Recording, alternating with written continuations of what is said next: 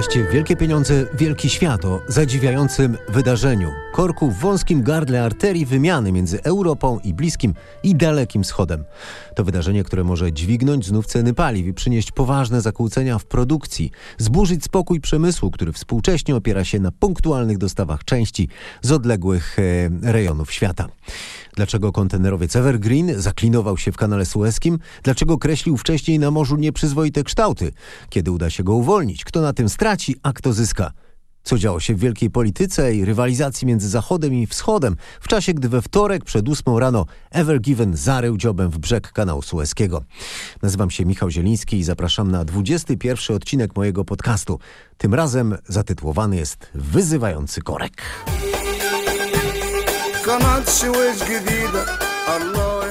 Niespełna 200-kilometrowej długości przekop, skracający drogę z Azji do Europy o półtora tygodnia, codziennie pokonują dziesiątki statków. Tamtędy płynie prawie jedna ósma wszystkich towarów przewożonych na całym świecie. Szczególne znaczenie ma ten szlak dla zaopatrzenia europejskich konsumentów w towary i fabryk w komponenty z Chin, a także dla transportu ropy i skroplonego gazu z Bliskiego Wschodu do Europy oraz produktów rafineryjnych do Azji.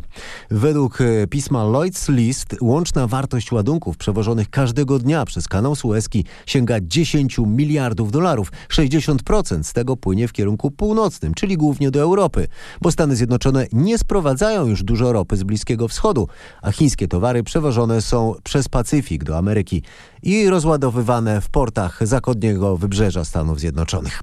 Sekretarz prasowa Białego Domu Jen Psaki tak mówi o wadze tego wydarzenia. Uh, Dostrzegamy potencjalny wpływ na rynek energii z uwagi na rolę kanału sueskiego jako kluczowego dwukierunkowego szlaku transportu ropy. Oczywiście to jeden z powodów, e, które skłoniły nas do zaoferowania pomocy Stanów Zjednoczonych w tej sprawie. Jesteśmy w stałym kontakcie z Egipcjanami, będziemy monitorować sytuację i w razie konieczności podejmiemy właściwe kroki. Przyglądamy się temu.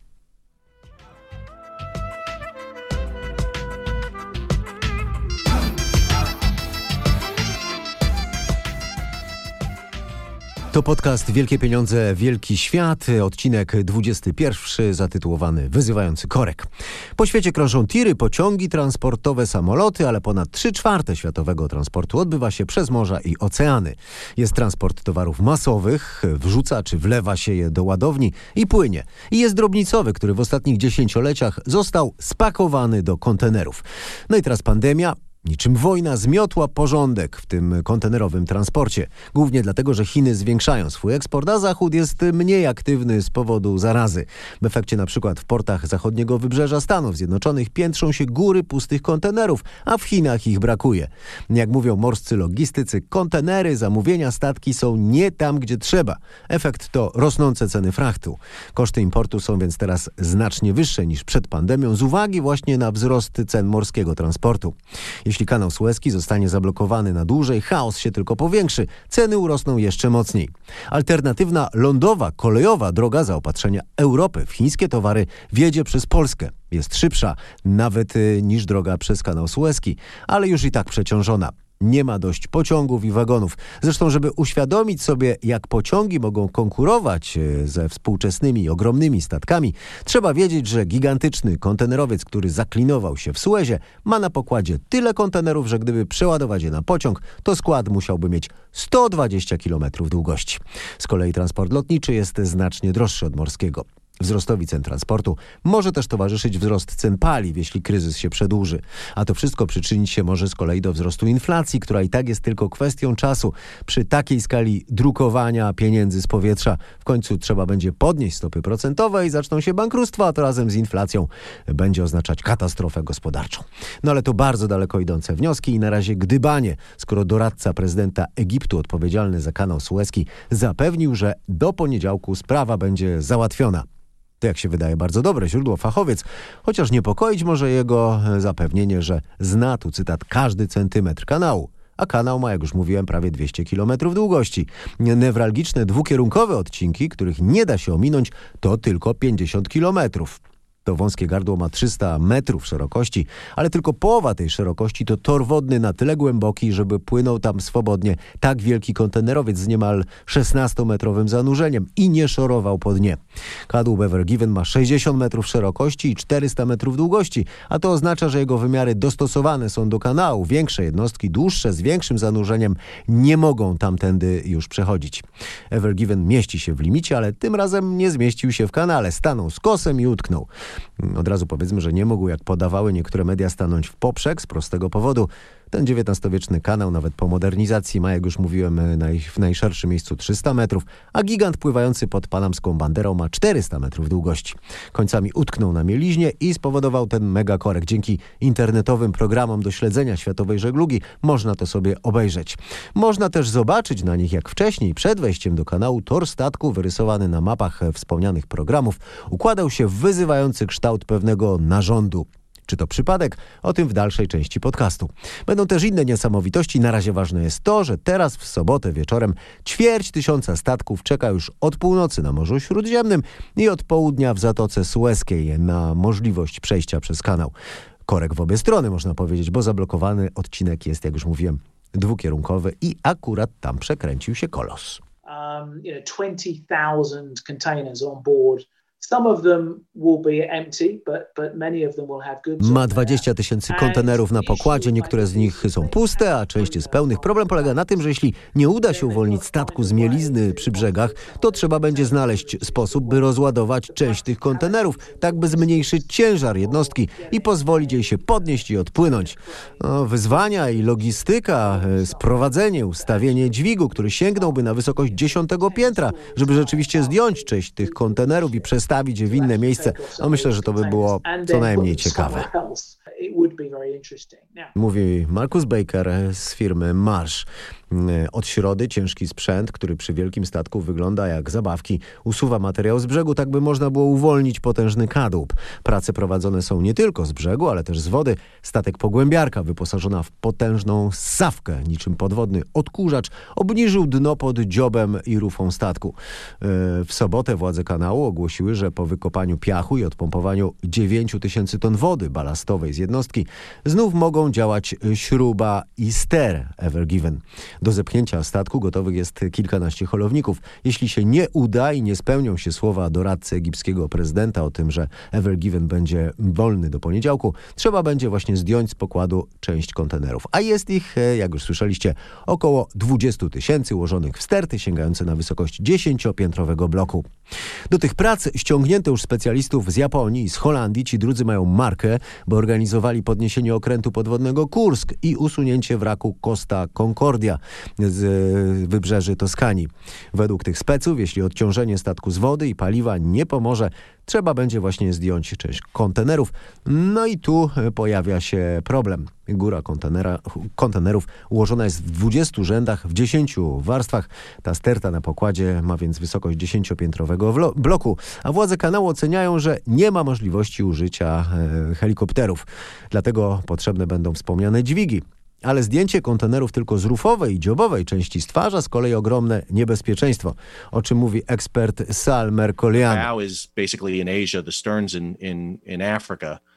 Dziób jest właściwie w Azji, rufa w Afryce, środek na środku kanału. Nie można po prostu zdjąć dużej części kontenerów z końców kadłuba, bo to by stworzyło naprężenie gnące i mogło spowodować albo rozszczelnienie kadłuba i wyciek, albo wręcz przełamanie na pół. A konieczność usunięcia takiego wraku oznaczałoby zamknięcie kanału na miesiące, jeśli nie lata. Handel światowy nie może tyle czekać. Trzeba by było płynąć dookoła Afryki prawie dwa tygodnie dłużej, zużywając znacznie więcej paliwa, a paliwo napędzające wielkie statki kosztuje kosztuje krocie. Jasna sprawa, że to właśnie paliwo stanowi większość kosztów operacyjnych w transporcie morskim, ale koszty transportu to małe piwo. Dziś liczy się czas. Ponownie mówi Marcus Baker. Incredibly robust uh, and, and you know, figure out Branża morska jest niezwykle prężna i zapewne poradzi sobie, znajdując inne trasy, ale z powodu napięć w łańcuchach dostaw i z powodu nastawienia dziś wszystkiego na metodę just in time, jednak może być wielki problem z importem, e, kiedy te transporty będą w portach docelowych, kiedy będą rozładowywane. Dziś to wszystko jest zaplanowane niemal co do minuty. Tak powstają e, precyzyjne rachunki przepływu kontenerów, ich rozładunków i załadunków. To wszystko jest bardzo ściśle dopięta sprawa i dlatego tego rodzaju zakłócenia to poważna sprawa. Przez Suez płynie codziennie w ładowniach tankowców do Europy milion baryłek ropy, w zdecydowanej większości z Arabii Saudyjskiej. Kiedyś taką ilość odbierały same Stany Zjednoczone, dziś ich import z Arabii jest 10 razy mniejszy. Porty przeznaczenia tankowców są położone w Europie. Gdzie dokładnie? Przede wszystkim to belgijska Antwerpia, poza tym sporo saudyjskiej ropy sprowadzają Hiszpania, Włochy, a w dalszej kolejności jest Polska.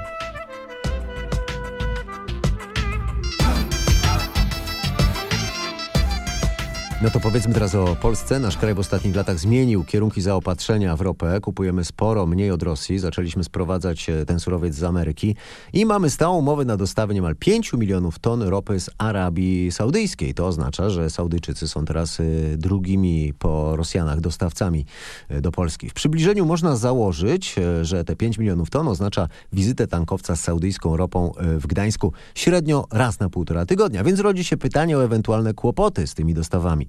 Koncern Orlen na moje pytanie, czy zaplanowany jest teraz lub w najbliższym czasie transport z Arabii przez kanał, odpowiedział krótko i wyczerpująco nie. Umowa z Saudyjczykami najpewniej zakłada, że koszty tego rodzaju zdarzenia e, i tak ponosi dostawca.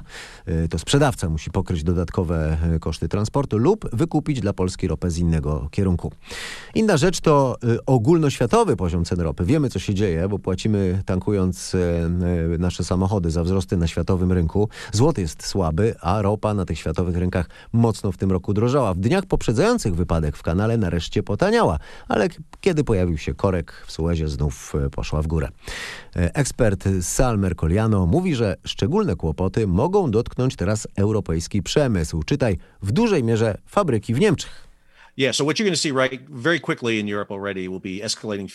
W Europie bardzo szybko pojawi się wzrost cen paliw, poza tym podrożeją surowce i towary, spowolni handel internetowy. Sklepy nagle będą musiały informować, że dostawa na razie nie może być zrealizowana. Znacznie poważniejsza sprawa jest w przemyśle, w planach produkcyjnych. Taka fabryka w BMW w Niemczech czeka na części z Azji i ma na półce tylko to, co jest potrzebne do bieżącej produkcji. Nie utrzymuje zapasów. Trzeba się więc liczyć z przestojami w produkcji. To zaszkodzi i Europie, i Azji.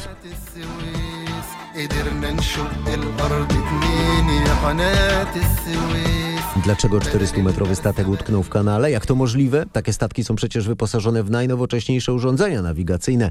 Używają precyzyjnych danych satelitarnych. Owszem, ale dopiero w ostatnich latach globalny handel zaczął potrzebować takich megakontenerowców. Jest ich na całym świecie niespełna 200, w budowie kilkadziesiąt kolejnych, ale to wciąż w pewnym sensie swego rodzaju eksperyment. Yy, w każdym razie w kanale sueskim nie są takie statki prowadzone przez holowniki, mają za to na burtach dodatkowe śruby, właśnie do zwiększania możliwości manewrów. Ale według ekspertów przy nagłym podmuchu wiatru taka jednostka może stracić sterowność, y, równowagę. Boczny wiatr uderza nagle w burtę, która jak już mówiłem wraz z kontenerami stanowi ścianę wysokości dziesięciopiętrowca. Kapitanowie i sternicy jeszcze większych tankowców takich wyzwań nie mają, bo powierzchnia boczna ich jednostek, y, którą może popchać wiatr, jest znacznie mniejsza.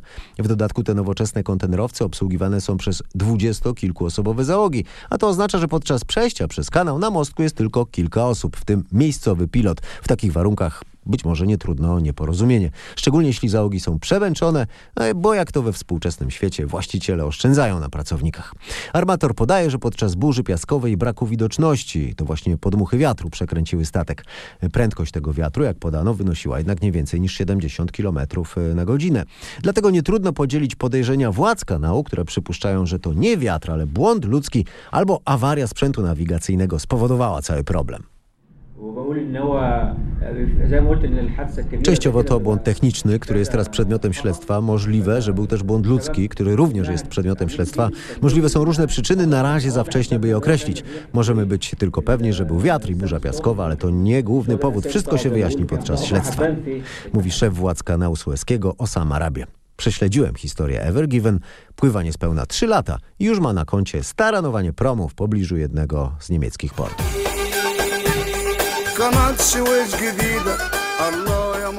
Pojedyncze tego rodzaju sytuacje już się zdarzały, ale nie w takim miejscu. Przy rosnącej liczbie tych wielkich kontenerowców e, taki wypadek może się jednak powtórzyć.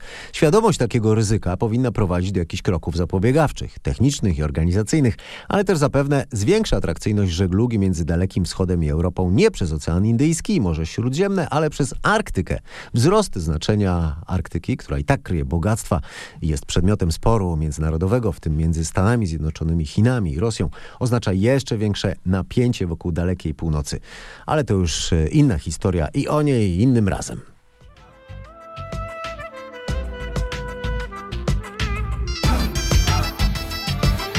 A teraz jeszcze warto zauważyć, że do tego uciążliwego głównie dla Europy incydentu doszło dzień po spięciu między Unią Europejską i Chinami. Unia po raz pierwszy od lat wykonała symboliczny, ale poważny antychiński gest, dołączając do sankcji nałożonych na kilku chińskich urzędników, jednocześnie przez Stany Zjednoczone, Kanadę i Wielką Brytanię. W związku z programem masowych obozów dla Ujgurów w prowincji Xinjiang.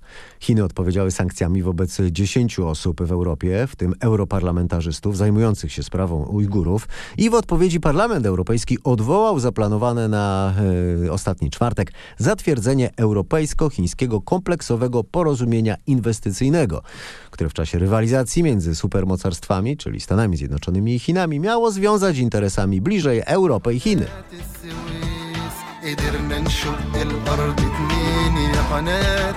A na koniec jeszcze wróćmy do wspomnianego wyzywającego kształtu wyrysowanego na satelitarnych mapach do śledzenia ruchu morskiego przez hinduską załogę statku. Informacja ta jest prawdziwa, chociaż e, dla laików mało wiarygodna. A to jak się okazuje częsta zabawa, przede wszystkim pilotów, którzy zostawiają ślady męskich narządów zwane skydongs nie tylko na mapach w internecie, ale też rysując na niebie smugami z silników. To branżowe kawały znane również polskim pilotom. Mój przyjaciel, który wychował córkę na pilota, pochwalił mi się, że e, nawet ma zdjęcia takiego skydonga wyrysowanego przez dorosłą pociechę nad Piotrkowem Trybunalskim. Morską mega wersję e, wulgarnego żartu zostawił więc na mapach sternik Ever Given i tak zabawa wąskiej grupy zawodowej e, na skutek głośnego incydentu stała się dość znana światu. Kilku kawalarzy na mostku, jeden statek blokuje w nieznany na razie e, sposób, e, z nieznanych przyczyn, niemożliwy do ominięcia odcinek kanału Sueskiego. To tak jakby zablokować most na głównej arterii handlowej łączącej Azję z Europą. I dzieje się to w czasie, gdy dochodzi do nagłego skoku napięcia w stosunkach Europa-Chiny, e, o którego sprowokowanie Chińczycy oskarżają teraz Amerykanów i który doprowadził do odroczenia kluczowego porozumienia otwierającego Chinom szerzej drzwi do Europy. E, to porozumienie wychodzi naprzeciw chińskim planom i ambicjom części europejskiego biznesu, głównie niemieckiego, dla którego Chiny są głównym rynkiem zbytu. I to już wszystko dzisiaj. Zachęcam do słuchania poprzednich odcinków mojego podcastu, z których znaczną część poświęciłem rywalizacji amerykańskiego imperium i nowego, właściwie nieporównanie starszego imperium chińskiego. Pozdrawiam i do usłyszenia.